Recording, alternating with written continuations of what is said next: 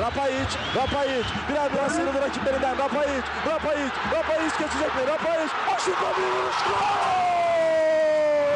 Rapayic atıyor, dört oluyor. Rapayic atıyor, dört oluyor. Muhteşem bir karşılaşma. Ümit kaçtı. Ümit sağ çaprazda. Ümit, Ümit'in vuruşu kaleye gidiyor.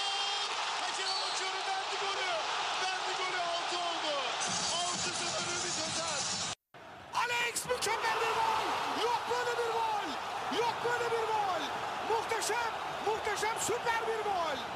Merhaba sayın dinleyiciler. Ben Ediposis. Ben Mehmet Ayan. Kadıköy vapuruyla yola çıkmaya hazır mısınız? Şimdi jenerikte dinlediniz. e, sizi birazcık böyle 20 sene öncesine götürdük.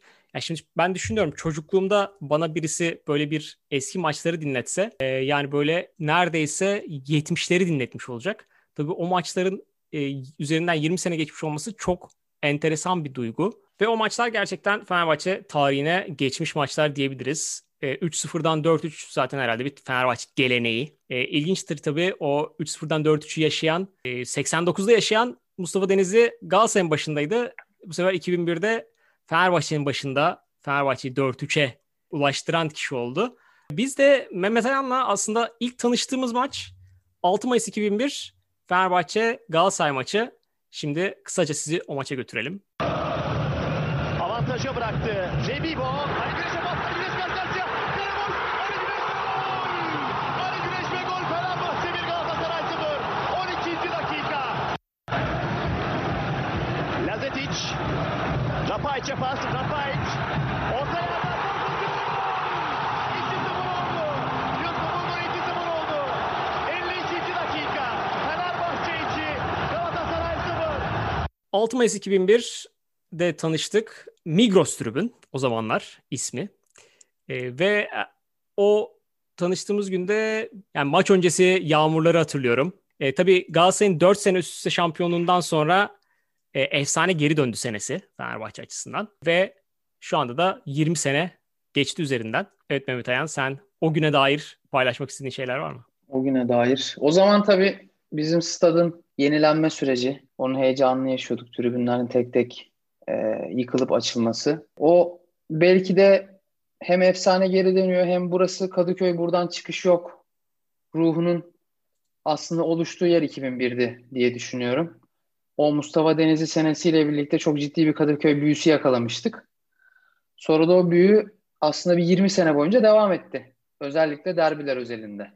O zaten evet o sene 17'de 17 yaparak Kadıköy'deki bütün maçları kazanarak gerçekten Kadıköy kalesi e, Kadıköy yıkılmaz. Hatta işte Aziz Yıldırım'ın belki de yönetim başkanlık süresince de üzerine inşa ettiği dönem.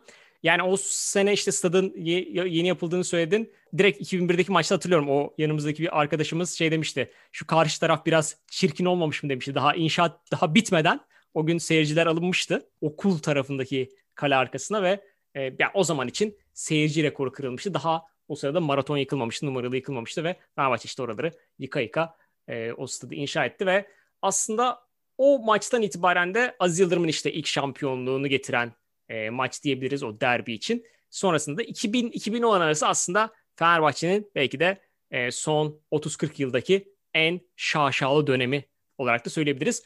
Onu birlikte yaşadık. E, ertesi sene de zaten kombineyle taçlandırdık diyelim. Ertesi sene şampiyon olamadık ama o Fenerbahçe e, sevdamız, Fenerbahçe'yi takip etme sevdamız devam etti. Yani birazcık 2006 Denizli'ye kadar diyebiliriz belki. Yani şimdi orada aslında o kombinede de şimdiki başkanın da katkısını unutmamak lazım Sayın Hı. Ali Koç'un. Çünkü o zaman e, UNIFEP yani 1907 Derneği'nin e, oluşumu üniversiteli Fenerbahçeliler için e, Migros tribününe özel e, çok uygun fiyatlı bir kombine yapılmıştı. Biz de ondan faydalanmıştık. Herhalde her maça da gittik. Evet. Yani öyle bir e, kupa maçlarına bile gidiyorduk yani. Hani çok alakasız kupa maçlarında bile stat'taydık o zaman. O, o zaman da şöyle garip bir şey olmuştu. Biz Şampiyonlar Ligi'nden sonra almıştık galiba. Şampiyonlar Ligi'ndeki hiçbir maç o kombineyle gidememiştik. Ve fi- fiyatı da komik bir fiyattı. Yani tabii ki o zaman için yüksek bir fiyat da 60 lira mı 65 lira mı öyle bir 60 şeydi. lira, 60 lira. Hı hı. 60 liraydı. Öyle bir şeydi. Hatta işte o 1907 derneğine gidip almamız gerekiyordu. Ve e, Şampiyonlar Ligi evet altta sıfır olmuştu artık. Olan olmuştu ama ondan sonrasındaki e, böyle çok absürt Türkiye Kupası maçlarına bile e, gitmiştik o sene. İşte zaten o sırada o bir önceki seneyle birlikte gelen hatta yanlış hatırlamıyorsam e, maraton tribünün açılışında da oradaydık biz. Böyle kapılar açılıp seyircilerin koltuk olmayan beton maraton tribünün içine alınması. Evet Beşiktaş maçı ve Beşiktaş maçı. ve o aslında o serinin de bittiği maç Mustafa Denizli'nin galibiyet serisinin sona erdiği maç ve aslında tamamen şu an şartlarında kesinlikle izin verilmemesi gereken seyirciler zaten o gün bir dedikoduydu o. Seyirci gelecek mi gelmeyecek mi maratonun alt tarafına alacaklar seyirci falan denmişti ve gerçekten alınmıştı seyirci. Evet evet hiç belli değildi yani. Ne olacağı belli değildi. Böyle e, ilginç bir maçtı. Talihsiz bir maç olmuştu neticesinde. Ama dediğin gibi işte o Denizli senesi oradan sonra bizlerde büyük yaralar bırakan e, dönemlere girdik ve bugüne kadar da geldik aslında bir şekilde. Tabii işte o zaman için içindeyken biz yükselen Fenerbahçe'yi yaşadık. Sonrasında işte bizim kombin aldığımız sene Laurent senesi, ertesi sene 6-0 senesi. Sonra Daum geliyor ve Daum'la yaşanan iki şampiyonluk. Maalesef Denizli maçı ve sonrasında aslında e, 2007 100. yıl şampiyonluğu var. Ve hatta uzat, uzatalım e, Zico'yla çeyrek final var. Öyle bir seriyi yaşadık e, birlikte ve sonrasında aslında böyle uzaktan da olsa yani beraber maçlara gitmesek de böyle bir takibimiz de sürdü. Hatta 2011'de sen e, Dubai'deydin galiba. Evet, evet. E, ve orada da böyle WhatsApp üzerinden bütün maçları böyle birlikte takip etme durumumuz sürmüştü. 2011'de birlikte şampiyonluğu yaşadık diyebiliriz yani o sene. Evet evet gurbette daha da keyif. O zaman yanlış hatırlamıyorsam e, BBM Messenger vardı. E, BBM Messenger üzerinden yazışarak maçları takip ediyorduk. Tabii bizim bizim neslin şöyle de ilginç bir şey var. Bence e, Fenerbahçe'nin asıl prime dönemini bizim bizden önceki nesil babamlar daha fazla yaşamışlar. Hı hı.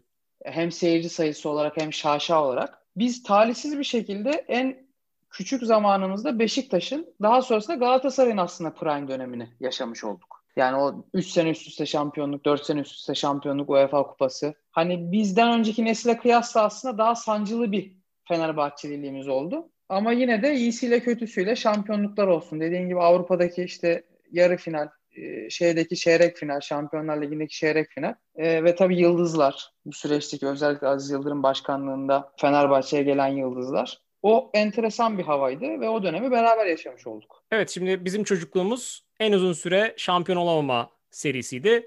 2001-2011 arası güzel bir seri diyelim ve sonrasında da maalesef şu anda yine en uzun süre rekorunu kırdığımız bir dönemin içerisindeyiz. Ama tabii ki bu böyle bir e, sevda olduğu için büyük ihtimalle yine o güzel günlerin gelmesini umutla bekliyoruz. Kadıköy ve Purun'da da size işte Fenerbahçe gündemini e, anlatmaya çalışacağız. Sadece futbolda sınırlı kalmayacak tabii. Büyük ihtimal basketbolda değindiğimiz bölümler olacak. Hatta voleybolda uzanırız, diğer branşlara da uzanırız diye tahmin ediyorum. Çünkü Mehmet Ayan zaten e, basketbolda çok yakinen takip ediyor.